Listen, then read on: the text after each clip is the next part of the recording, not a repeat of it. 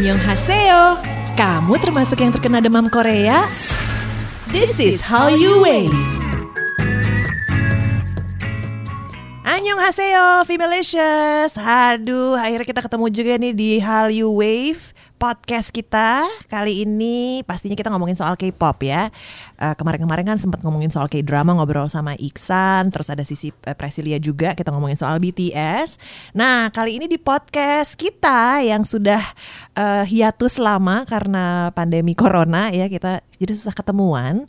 Jadi sekarang uh, udah hadir lagi. Kali ini yang gue ajak ngobrol adalah gini, uh, Femalicious. Kalau dia ini nggak ada, female itu nggak ada lagunya karena dia yang ngatur ya lagunya ada di playlist tiap hari dengan penuh kasih sayang. Kira-kira lagu apa yang Femalicious doyan ya kan? Jadi ini adalah orang yang paling berjasa kalau menurut gue tanpa dia nggak nyala radionya. Selamat nih siang ya, ya nggak penting, penting juga orang dengerinnya belum tentu siang pagi malam ya. Ada Dewi Irwin di sini nih, Femalicious. Halo Irina, halo Femalicious. Kalau resmi banget sih kayak pakai konde. Duduknya tuh kayak ibu pertiwi gitu di silang kakinya. Dingin terus studio dingin. Dingin ya. Oke, Dewina. Irina.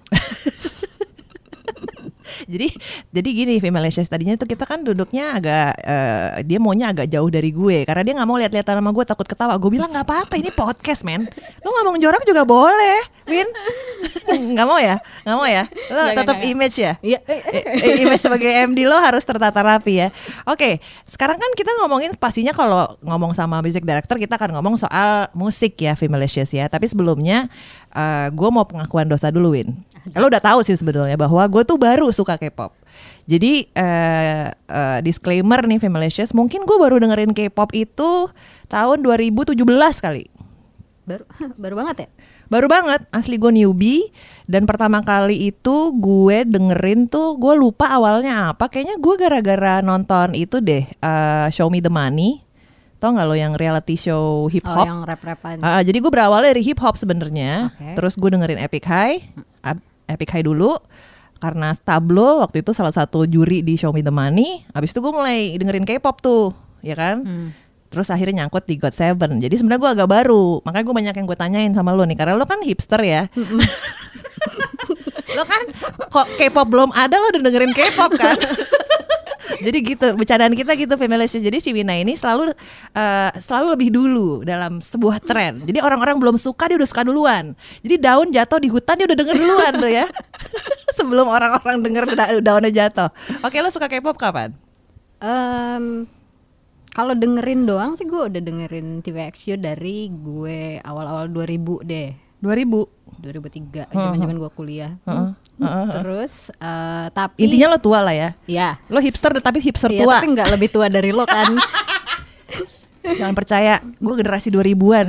Uh -uh. Apanya? kuliah Enggak kerjanya dia 2000-an Dia kuliah 90-an uh, dari awal 2003 hmm. eh, 2003-an hmm. awal 2000 itu TVXQ tapi abis itu hmm. uh, karena gue ceritanya sibuk kuliah bohong banget. Cuman uh, jadi jarang dengerin radio karena dulu kan kita uh, source of amusementnya either radio atau TV dong gitu. internet juga ada tapi nggak yang masih itu masih dial up tau iya, ding, ding, ding, ding. yang masih tiap hari tuh mampir ke IRC gitu, gitu kan. jadi kayak ESL gitu kan ya. ESL terus terus terus. Terus um, baru denger uh, radio lagi religiously itu di late 2000s hmm. jadi kayak 2008 2009 hmm. dan di situ ternyata hmm. kalau lo dengerin radio di 2008 2009 hmm. lo udah denger K-pop Oh gitu. Lo, Jadi kita bu female radio bukan yang pertama nih.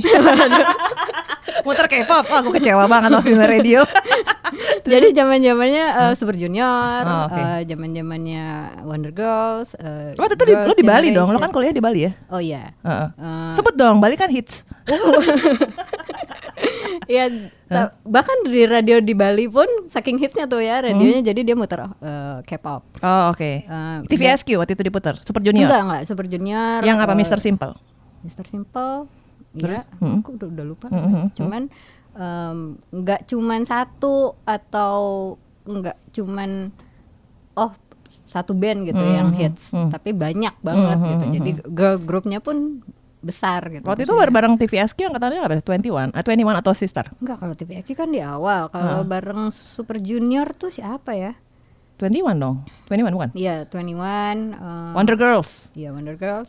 Sampai saking hebohnya Indonesia bahkan punya grup K-pop sendiri atau grup boy band yang Smash ya? iya. Oh iya.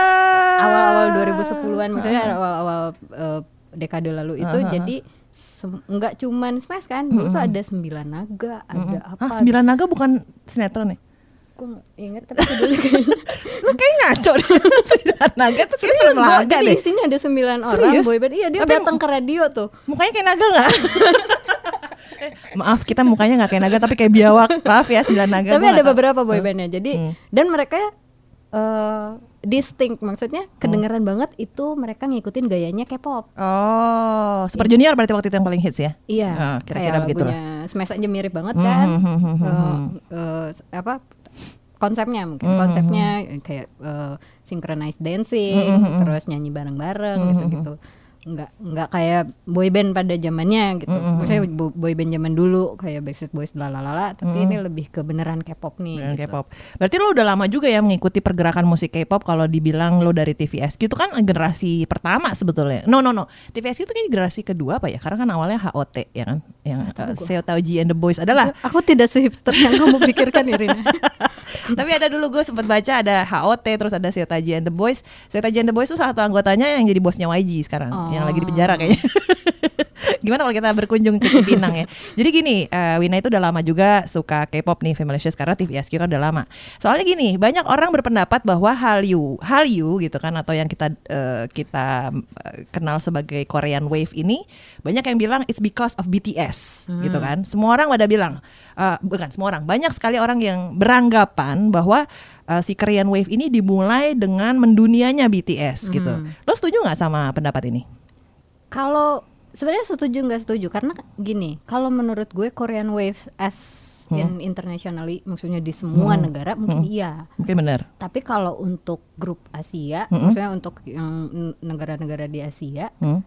dari Super Junior pun udah udah tinggi wave-nya. Buktinya sampai kita semua punya boyband. Nggak cuma Indonesia soalnya punya boyband, Malaysia punya boyband, Singapura punya boyband dengan konsep K-pop. yang sama. Iya. Tapi di, berarti di Asia tuh udah lama sebenarnya terjadi ini gitu kan. Nah, cuman memang wave yang baru-baru ini terjadi lebih me- Mendunia. mendunia. Kayak awalnya gara-gara BTS goes to Amer- eh, went to America ya kayaknya ya. Iya, gue sih curiganya karena mereka uh, pitch, at- apa manggil-manggil artis Hmm. uh, dari luar, maksudnya pakai-pakai artis yang memang udah besar Mm-mm. di di luar secara digital yang lebih gampang uh, nyampe nya Nyampainya.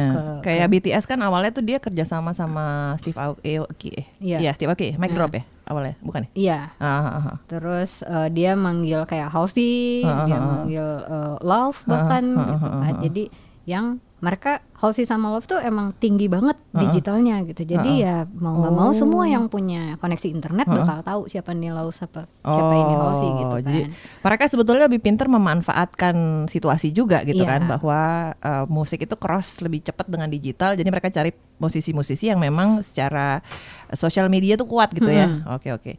Karena eh, kalau kita ngomong soal BTS sendiri, Femalicious tahu dong bahwa BTS itu sangat engage ya sama fansnya Oh, iya. secara digital gitu kan. Jadi ini sebetulnya bisa jadi bi- dibilang bahwa BTS itu memang nge- pertamanya nge- ngebawa ke Amerika, tapi not necessarily mereka yang pertama sebenarnya. Iya. Karena Big Bang pun gede dulu, Iya, ya kan? udah sempat konser juga kan Big Bang di, di luar gitu dan eh, animo orang tuh mau nonton Big Bang juga tinggi, maksudnya nggak kalah lah tingginya sama BTS sekarang gitu, walaupun tanpa bahkan tanpa promo seperti BTS gitu. Betul betul betul betul. Jadi sebenarnya anggapan bahwa sebetulnya ya BTS memang sangat bertanggung jawab sih untuk membawa seluruh dunia, tapi uh, Korean Wave ini udah lebih jauh dari Iya. itu sebenarnya ya.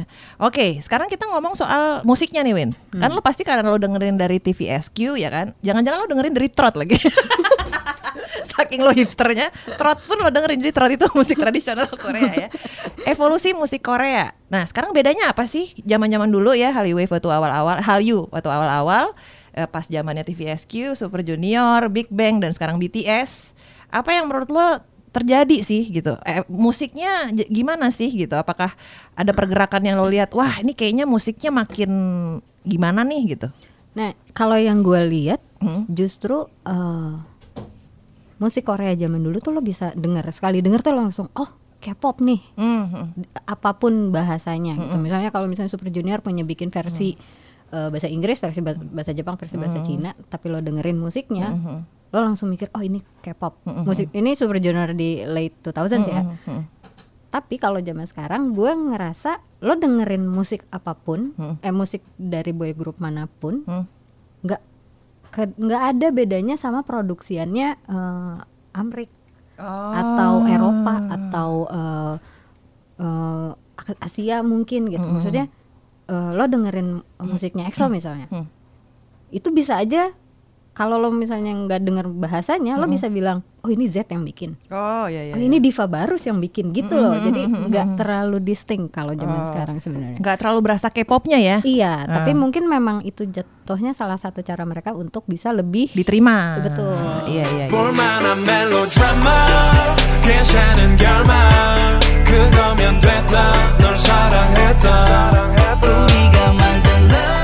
Bisa dibilang berarti musik K-pop sekarang sangat ke barat-baratan dong? Nggak juga? Iya, gue justru dulu mikirnya adalah musik barat sekarang ke K-pop K-popan. Oh gitu. Iya, karena musik yang K-pop yang eh, K-pop yang sekarang kita denger itu adalah udah nongol duluan di Korea di Oh. tahun 2000-an dibanding kita yang baru dengerin di 2010-an gitu kan. Oh, jadi, Jadi- sekarang musik sekarang ke K-pop K-popan justru ya? Justru gue mikirnya gitu. Kenapa Win? Menurut lo kenapa kita ke arahnya ke sana?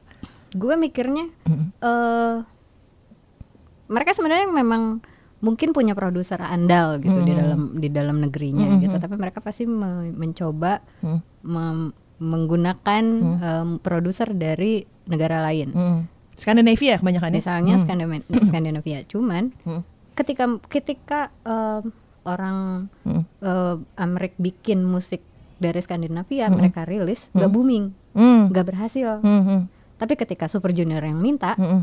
booming ternyata di Korea, terus eh, negara-negara sekitar Korea besar, terus mau nggak mau makin ke sini makin ke sini orang-orang jadi terbiasa dengan musik seperti itu kan. Hmm. Sedangkan Hmm.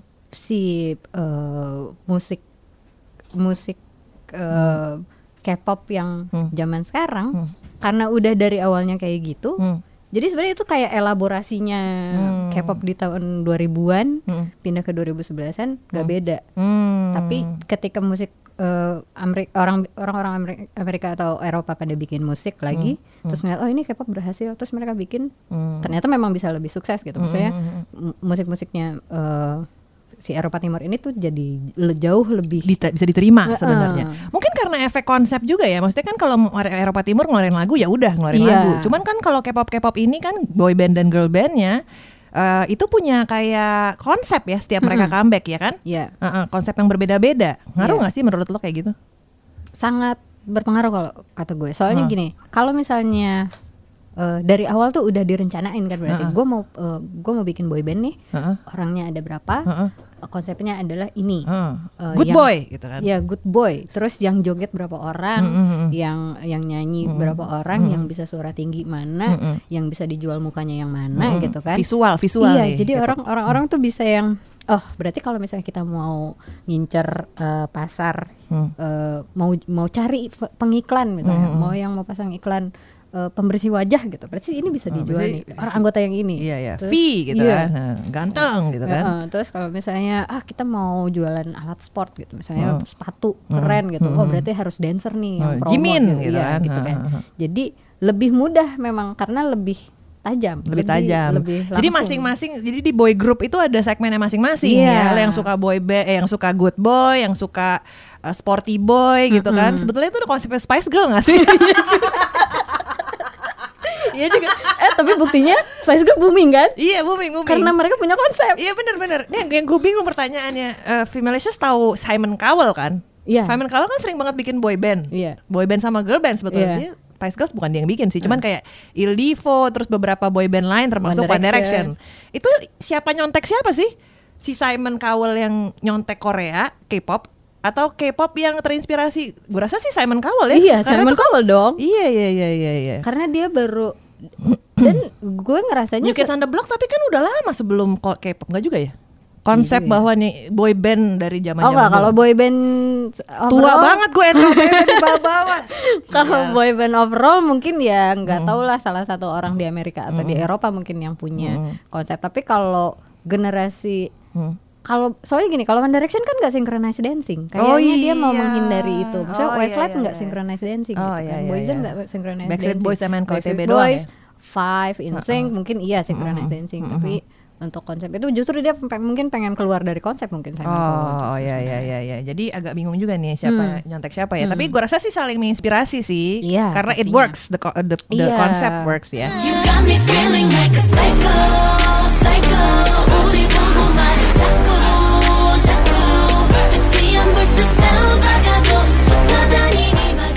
Sekarang nih kalau kita tadi kita ngomongin soal musik Korea, konsep dan lain sebagainya. Eh, mungkin Femalicious juga udah notice bahwa kita selama hampir setahun terakhir ya udah masukin lagu Korea ke playlist female.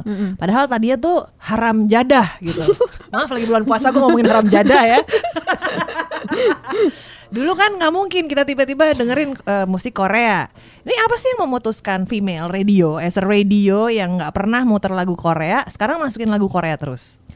Eh, mungkin emang kalau gue ngitungnya ini tuh kayak the third wave mungkin Mhm, mhm. dari uh, Hallyu. Mm-mm. Jadi ketika wave-nya lagi naik ya kita juga pengen ikutan naik gitu kan. Mhm, Jadi kenapa enggak? Pendengarnya juga banyak gitu. Mhm, Yang suka K-pop juga banyak. Jadi ya putar aja Why tuh orang-orang juga doyan. Dan ternyata juga responnya bagus ya dalam arti Mm. eh, ada orang-orang yang tadinya anti K-pop pas Oh, denger iya. loh ternyata lagunya nggak nggak lu kalau ngeliat ke gue ya jadi gue termasuk yang kena karma nih Femalicious Enggak, gue ya justru sebenarnya kepikiran Sisi sih. oh Sisi ya Sisi, Iya, Sisi gitu ya Sisi, Sisi kan Presil ya gitu. Eh.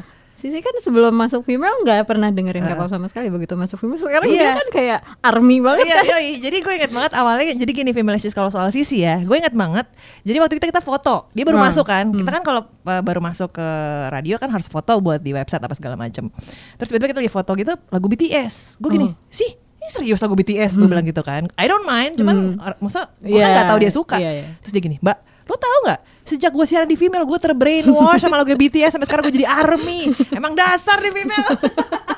Tapi berarti kan itu intinya adalah musiknya eh, ko- BTS itu eh, musik Korea sekarang ya bisa dibilang gampang diterima sama orang yang nggak suka K-pop juga ya Iya. karena udah nggak terlalu distinct tadi Iya, karena sem- sebenarnya kalau Hmm. lo inget eh, lo ilangin su- eh, bahasanya Mm-mm. nggak ada bedanya kan sama produksiannya Amerika dan yang benar, lain-lainnya gitu. Maksudnya benar. ya billboard billboard juga jatuhnya gitu kan. Dan sekarang kan juga mereka ba- banyak menggunakan eh, bahasa Inggris ya. Iya. Di sela-sela gitu kan, buat judul apa segala macem gitu ya. Nah ini lagu- lagu-lagu K-pop yang ada di pli- eh, di playlistnya female nih kan lo yang gue tahu nih lo masukin yang sekarang lagi diputer kan. Yang satu eh, ada any songnya Zico, Mhm. terus lo masukin Itzy yang judulnya Wanna, Wannabe. Wannabe. Terus apa lagi sih? Eh, Sean, Sean tuh hitungannya saking nggak dinstingnya kita bahkan nggak tahu kalau Sean eh, si Way Back Home. Iya way back home Ha-ha. juga gak kedengeran bahwa itu Iya lagu sih. Korea kan Iya iya benar-benar. Itu lagu booming banget ya. Iya, padahal itu produsernya Gokil. orang Korea. Maksudnya justru itu lagunya harusnya rilisan K-pop, tapi ngambil vokalnya eh, Connor Maynard. Iya, Mm, mm, mm. cuman gitu doang. Tapi Emang nggak sih, kedengeran. gue juga waktu denger Connor Maynard itu sama si Sean ini, gue pas dia baru eh, bahasa Korea, gue langsung ini bahasa Korea ya? Hmm. Kok dia bahasa Korea gitu? Ternyata dia memang produksi Korea ya. Iya.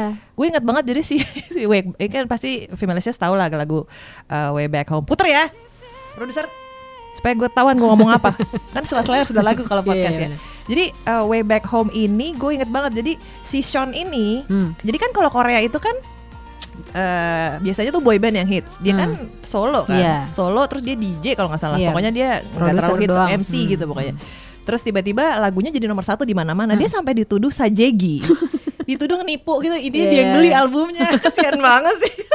lu beli semua album lo bohong fans lo nggak banyak gitu padahal emang banyak lagunya enak gitu kan so it's not necessarily sajegi gitu kan oke jadi eh, pertimbangan lo buat masukin lagu-lagu ini apa nih kan lo masukin ITZY lo masukin Way Back Home lo masukin BTS juga yang baru kan on Oh, iya. Sia Mm-mm. terus lo belum masukin God Seven mau apa sih eh Not by the Moon eh Not by the Moon no, Not by the Moon kan Gimana sih katanya ngefans? ya lagu barunya gimana tuh kalau masukin ya oke kenapa lo mau masukin lagu-lagu ini Eh, pertimbangan ya pertimbangan ya sebelum lo masukin lagu Korea apa pertimbangannya mungkin lebih ke gue berusaha men- me- menerka seleranya pendengar female gitu. Mm. Kalau misalnya gue putar lagu yang ini mungkin mereka bakal suka. Hmm. Dan karena eh, sedikit Oh bocoran, sorry lagi sorry, lu masukin Red Velvet Psycho. Oh, iya. Puter. Iya. Jadi gini, sedikit bocoran, Hmm. eh, semua lagu yang di female tuh pasti kita tanyain balik sama pendengar. Oh, Lo oke. doyan nggak nih sama lagu Hmm, ini gitu hmm, kan? hmm, Lo bosan eh, bosan nggak lah sama lagu ini? Pasti kita tanya balik sama semua pendengar. Jadi em, hasil pertanyaan ke pendengar itu jawabannya adalah oh gue doyan. Gitu. Oh. Jadinya mau nggak mau ya bakalan akan lama mungkin di female. Oh, Oke gitu. oke. Selama Tapi mereka nggak bosan. for your inside information nih eh, pendengar female eh femalicious ya any songnya di Zico sih dia suka beneran cuy dia tuh pribadi banget tuh ya gue kayak tiap siaran tiap jam ada lagunya Zico bagus Bo itu bagus tau jadi kayak lagunya awalnya cuman hip hop terus tiba-tiba ada bosasnya ya iya tiba-tiba bosan kan gue Lucu ya? Maksudnya memang jenius. nggak nggak K-pop bukan nggak K-pop nggak musik zaman sekarang gitu kayak dia beyond keluar gitu, dari iya. keluar dari eh, pakem Korea Iya. sebenarnya Zico itu kan awalnya dia boy band ya Hmm. dia eh, dia rapper rapper Hongdae gue inget banget dia temenan sama RM-nya BTS Hmm. Eh, nge- eh, nge-rap eh, underground gitu di Hongdae. Oh. terus habis itu dia bergabung di satu idol band eh, idol group namanya Block B. Dan memang lagunya hip hop. Mm-mm. terus dia karena dia pinter sendiri gitu kan. Mungkin kalau di uh, NSYNC tuh kayak Justin Timberlake kali. Oh, iya, iya. I don't need you guys. Gue bisa hit sendiri gitu kan lo nggak penting gitu. Akhirnya dia keluar lah jadi sendiri. Dan gue sih ngerti banget karena dia emang jago banget bikin lagu. Nah ini berhubungan juga dengan topik kita setelah ini nih Femalicious ya. Soal eh kita kan lihat nih Win grup K-pop ini kan nggak lama waktunya. Ada mungkin Femalicious juga yang dengerin K-pop tahu bahwa ada yang namanya Seven Years Curse. Mhm. jadi lo di, lewat tujuh tahun ini yang yang yang yang bertahan lama tuh ya. Eh, tujuh tahun tuh udah maksimal gitu loh. Jadi di luar kalau lo bisa ber- bisa survive lewat dari tujuh tahun itu lo berarti legendaris Ya. karena rata-rata tuh bisa yang kayak dua tahun doang habis itu bubar Ya. lima tahun bubar kadang-kadang baru beberapa bulan malah bubar karena persaingannya kan gokil banget Iya. di sana nah menurut lo gimana sih supaya si boy group sama boy eh sama girl group sama si solo-solo ini bisa survive eh, diterima terus selama beberapa dekade gitu Nah, setahu gue, Seven Years Curse itu datangnya karena semua company yang sign satu artis di Korea, mereka hanya bisa eh, maksimal kontrak selama tujuh tahun. oh Jadi kalau mau renew kontrak, lo harus buktiin bahwa lo memang sehits itu. Oh, oke oke oke Makanya oke. ketika udah tujuh tahun, nggak ada yang bisa survive lebih dari tujuh tahun. Eh, eh, eh. Maksudnya kecuali yang ya, band- Big Bang Iya, yang gede banget lah Eh, eh, kayak eh. Super Junior gitu Eh, ya, eh, udah iya. ber- berbelas-belas tahun. Heeh, gitu lo kayaknya fans banget dua- empat, Kagak. 40 kali lo sebut Super Junior Ada nggak yang lain? nggak ada cuma itu doang jadi eh curse-nya mungkin datang dari situ jadi mau nggak mau company juga ber- berhenti eh, untuk memproduksi lagu-lagunya Mhm. jadinya Mm-mm. mau nggak mau yang bisa survive hanyalah orang-orang yang Mm. eh, atau anggota member-member yang bisa bikin lagu sendiri jadi Oh, tanpa oke. bantuan company pun mereka bakal tetap survive gitu. Oh, contohnya salah satunya adalah Zico ini sebenarnya Iya. ya. Contoh jelas gitu kan Mhm. Jadi eh, dia bisa bikin lagu sendiri, ya Ah. udah. Dia nggak butuh juga iya, gitu company. Karena kalau di Korea kan memang, Hmm. gua nggak tahu ini downside atau Hmm. upside-nya justru ya. Sem- hampir semua lagu-lagu yang mereka bawain Hmm. itu adalah ciptaannya eh, udah disiapin sama company-nya. Ini gue punya lagu lo harus nyanyiin ini Hmm. konsepnya seperti ini. Jadi memang Lo nurut aja Iya gitu lo kan. nurut aja. Lo nyanyi. robot gitu kan Iya jatuhnya gitu doang kan. Hmm. Tapi mau nggak mau ya karena rata-rata kan idol ini Hmm. biasanya adalah cita-cita dari kecil gitu. Jadi mereka juga udah ngebayangin gue pengen nanti kalau udah gede Hmm. eh, bikin lagu gitu atau eh, perform di atas panggung gitu. Jadi mereka lebih kuat lebih kuat determin lebih determin gitu buat buat ngerjain sesuatu gitu. Makanya kalau misalnya lo bisa bikin lagu ya pasti bakal jauh lebih survive. Iya. Dan itu terjadi sekarang juga kan kalau mungkin dulu gitu ya bahwa Hmm. mereka tuh diperlakukan seperti robot. Gue lihat sih lately kayaknya banyak ya yang udah nulis lagu sendiri ya. Mhm. Eh, dibiarkan di, di, di- dibolehin Iya. gitu. Sa- seperti BTS kan dia mereka nulis lagu sendiri. Iya. Terus uh, God Seven lately udah mulai di, eh, dibolehin lagu sendiri. Terus eh, boy, girl band kesukaan lo yaitu Mamamu yang harus gue sebut. Gue menghindari ngomong Mamamu ya, Femalicious. Dia suka banget Mamamu by the way. Gue takut dia ngomong setengah jam. 눈을 감으면 소리 없이 밀려와 이 마음 그 위로 넌 또 한겹 쌓여가 Even when we go through changes Even when we roll Remember that I told you I found my way back home. Mamamu juga nulis lagu sendiri. Dia eh, produser sendiri nggak? eh produser mungkin nggak selalu, tapi pernah gitu. Maksudnya beberapa beberapa anggotanya kayak Wasa kan lo Oh tahu iya, ya, dia iya, tuh iya. kayak maksudnya Godes tuh cewek. iya apa pun yang dia kerjain tuh selalu berhasil gitu. Kenapa ya? Gak ngerti gue juga. Suaranya sih emang kece sih. Iya, dia tuh sangat menghayati. Maksudnya ketika lo dengerin lagu sedih dia yang bawain tuh lo bisa nangis. Iya iya. Tapi pak besok lu lihat mukanya lu nggak nangis lagi kan mukanya happy terus gitu. Orangnya kan bocor gile Iya, gitu. betul. Cuman eh, kalau di mamamu mungkin emang eh, sangat leluasa mungkin karena mereka sebenarnya datangnya bukan agensi besar ya. bukan agensi besar dan mereka bukan agensi bahkan dari awal. Mereka cuma training kayak tempat training gitu loh. Oh. Jadi kalau ada artis- nama Rina gitu training balet. Jadi mamamu adalah artis pertama. Jadi mereka tuh Oh. banyak dikasih leeway gitu kayak lo Oh. mau apa aja terserah gitu. Maksudnya ya Oh. asal lo bertanggung jawab aja. Jadi Oh jadi fine. it's a curse juga ya kalau lo datang dari agensi besar Iya. seperti SM. lo Iya, kan bakal susah, bukan nulis lagu sendiri. Iya, Tapi iya. kalau lo datang dari agensi kecil seperti BTS apa Big Hit? big hit, nah, itu Big kan awalnya hit. kecil, sekarang Iya. gede banget. heeh. Ya karena BTS-nya Hmm, tapi hmm, kan, hmm, hmm. maksudnya mereka akan lebih mudah untuk melakukan apa yang mereka mau. Eh, Hmm. maksud gue di di bidang musik ya, maksudnya dia mau nulis lagu sendiri, dia mau koreografi sendiri, dia Hmm. mau nentuin konsep sendiri bahkan gitu kan. Jadi eh, nggak nggak nggak selalu jelek sebenarnya Hmm. di downside di di agensi kecil nggak selalu jelek. Hmm, jadi jangan kecil hati nih Femalicious ya. Loh. Iya, kalau ternyata uh, Fevlo ternyata Heeh. dari agensi kecil, eh belum tentu Eh, itu belum tentu. mereka Jadi ja- stres. jangan ditolak dulu kalau anak lo tiba-tiba ditawar sama kebat kebit agency karena belum karena belum tentu dia gak akan survive ya. Iya, Eh, jadi- tapi hati-hati ditipu juga cuy. Karena si Ziko Waduh. Ziko itu gue inget banget jadi Ziko itu awalnya tuh punya jadi agensi kecil Hmm. tapi agensi kecil kan punya masalah keuangan biasanya kan Ah, iya. kan terus eh, end up-nya mereka nyolong duit blok B banyak banget Bo jadi si Ziko tuh hampir Oh. bangkrut eh, bayar utang gokil banget jadi banyak juga yang kesian dari agensi kecil karena akhirnya lo punya masalah cash flow nggak semua sih hmm. mungkin lo punya kebebasan artistik tapi kadang-kadang lo eh, dia- Iya. mereka harus hati-hati juga takutnya Iya. ditipu kan Iya. gitu Karena kayak upside-nya dari agensi besar adalah tentu saja promosi lebih baik. Oh, Jadi iya, mau nggak mau mu- musik lo bahkan tetap bagus gitu Mm-mm. maksudnya. lo disupport lah Iya, lo pasti supportnya Mm-mm. tinggi Mm-mm. gitu kan. Mm-mm.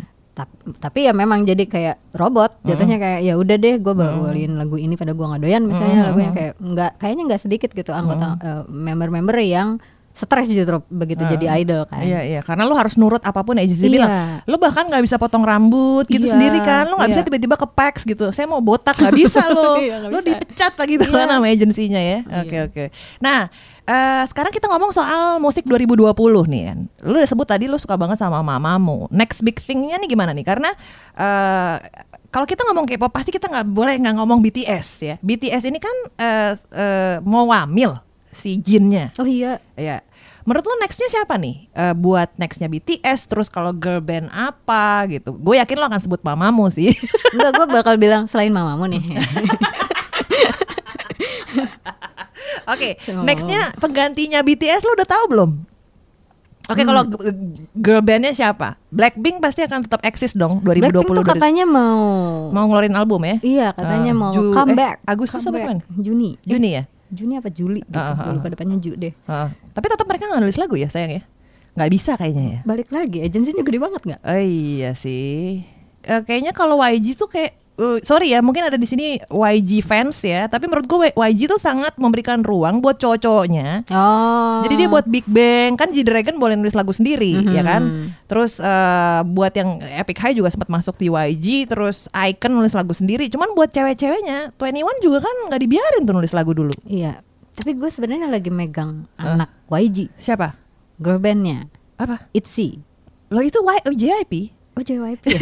Sama gue JYP yang wannabe kan? Iya iya iya Jadi si ITZY itu emang uh, girl bandnya si Y, uh, JYP yang baru gitu. Tapi JYP memang agak susah tuh. ITZY nulis lagu sendiri nggak tapi? Kayaknya enggak deh Lagi mereka masih bocah-bocah gitu Oh. Dan ITZY itu menurut lo akan big bentar. Iya Untuk perform mungkin iya Kenapa? Untuk perform iya Heeh. Maksudnya secara eh, paket idol iya Uh, uh, uh. Maksudnya mereka akan akan Kenapa sih ITZY itu menurut lo oke? Enggak, karena mereka udah dibikinin konsepnya bagus. Konsepnya Oh, tuh bagus konsepnya dari apa sih? dari company-nya. Maksudnya di mereka tuh proper gitu, Uh. rapi. Pakai jilbab. Yoi. Syariah. Gimana maksudnya? Jadi udah udah jelas gitu, Hmm. udah eh, mereka konsepnya tuh apa ya? Girl crush Girl crush. kayak Blackpink sebenarnya, tapi nggak se kalau Blackpink karena udah dewasa kan, jadi Heeh. bisa lah pakai baju-baju terbuka Heeh, ya. Kalau ini heeh. masih syariah. Ah, jadi ah, masih pakai jilbab ya. Masih jam 11 jam 11 malam di- disuruh pulang. Enggak, Jadi kalau nggak. Blackpink tuh kayaknya ada eh, ada hint bad S-nya kali ya. Mereka kan kayak yang Iya, mau tapi kan balik masa-masa lagi jaya karena tuh. umurnya udah di atas 19 semua, Oh, udah di iya, atas iya. 21 bahkan Ah, gitu. Jadi ah. udah konsepnya apa pun mereka aman gitu. Tapi Oh, Itzy belum pada mens nih kayaknya. Jadi aja nih podcast. Bukan on air, nggak apa-apa gue ngomongin mens. Iya, Eh, jadi eh, masih kecil-kecil. Mm-mm, masih kecil-kecil tapi udah udah cukup Hmm. in your face gitu. Dia tuh masih yang eh, masih bisa Hmm. kita dengar oh masih bisa kita ngeh bahwa siapa nih gitu. gue sih termasuk eh, agency yang menurut gue paling friendly itu adalah JYP sih. Karena Iya. eh, JYP itu mungkin karena eh, bedanya sama S- SM misalnya ya, gue nggak tahu fansnya SM Entertainment ya, itu kan bisnismen yang punya Lisuman. JYP itu kan si Park Jin Young ini dulu artis juga, jadi kayaknya dia Hmm, lebih memberikan iya. ruang buat artisnya berekspresi gitu Iya. kan. Eh, Nah. Semoga sih. Kalau boybandnya Nggak sebenarnya ada satu lagi Hmm. girl band Hmm. yang eh, selain mamamu, ya selain mama mama udah lah udah usah pasti deh. pasti panjang mereka Aduh, umurnya sampai umur 40 aku tahun juga masih ada. Gini pendengar eh, F- Femalicious ya. Jadi dia kalau bikin playlist nih ya, eh bikin playlist, bikin chart nih. Kita kan ada chart Korea sebenarnya ya. Kalau lo tahu nih ya di website. Itu kalau bisa bikin dia nomor 1 sampai 10 mamamu, dia bikin begitu karena bisa tuh nomor satunya mamamu, terus nomor duanya solar, nomor tiga ya Iya. mamamu lagi, habis itu si Huasa, habis itu siapa lagi gue nggak tahu itu ya. Oke, terus Ya emang banyak lagu langsung pembelaan udah lah. Jadi ada satu lagi girl band yang eh, gue rasa mereka juga akan panjang karena anggotanya yang bikin lagu. siapa? G Idol. Oh, gue nggak tahu tuh. Ya ada lah. Oh, bagus.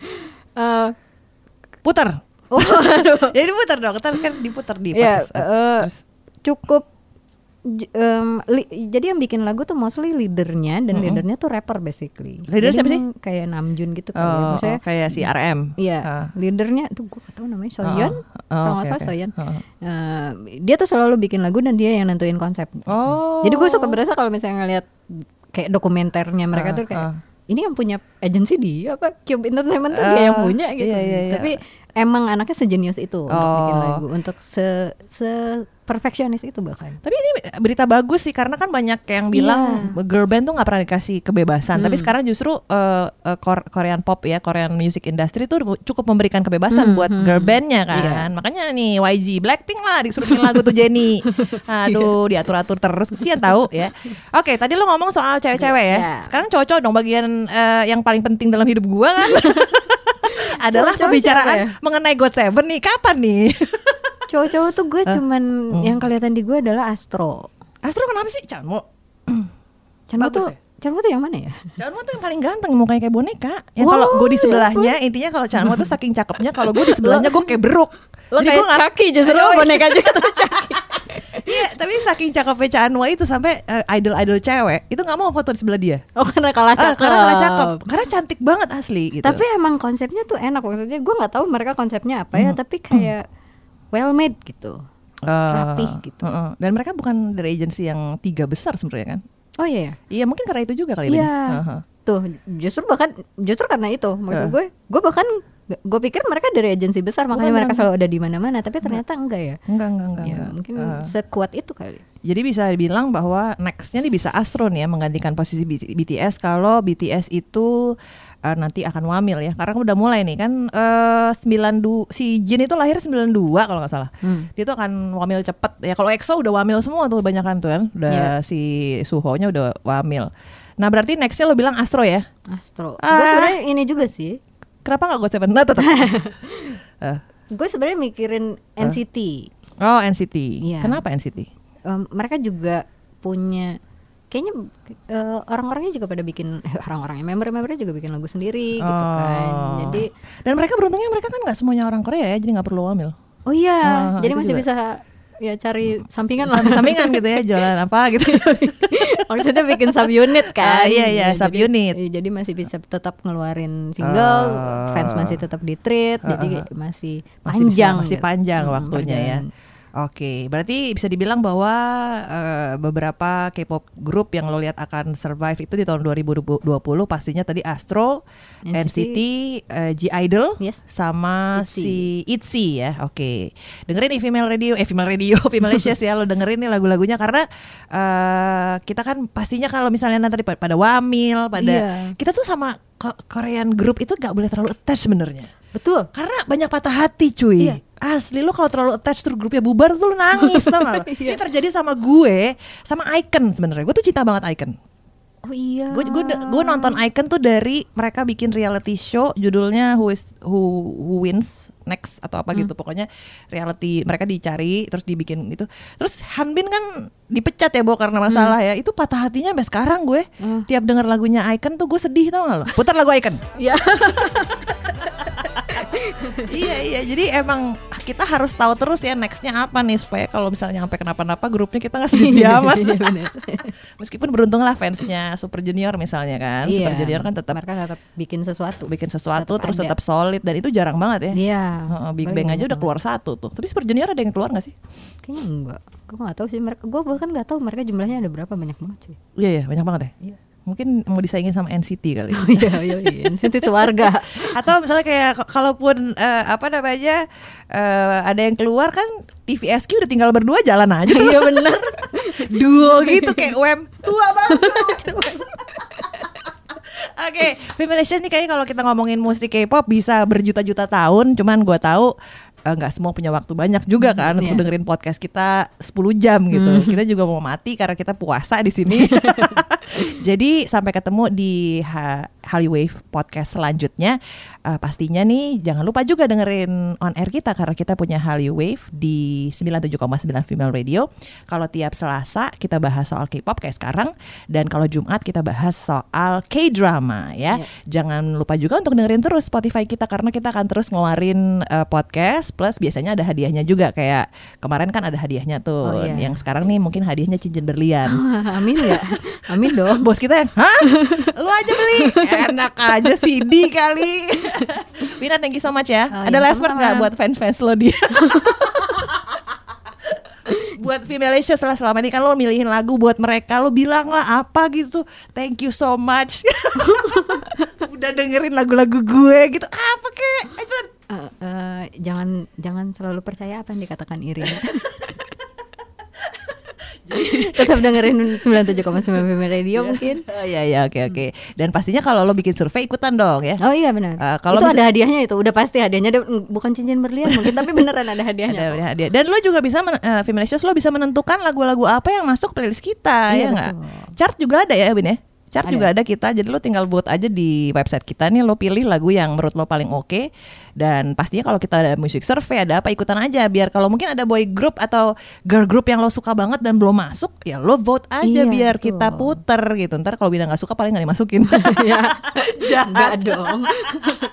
Oke, thank you so much. See you uh, on the next Hallyu Wave podcast. Annyeong haseyo. Bye bye. Bye bye bahasa Koreanya apa ya? Anyong. Eh, Annyeong ya? Anyong. Annyeong bukannya halu, halu? Eh halo. Halo, sama kayak Aloha. Oh, aloha. Aloha. Sometimes you need an illusion to be happy. Listen to Hallyu Wave on Female Radio Podcast at Spotify and Female Radio app.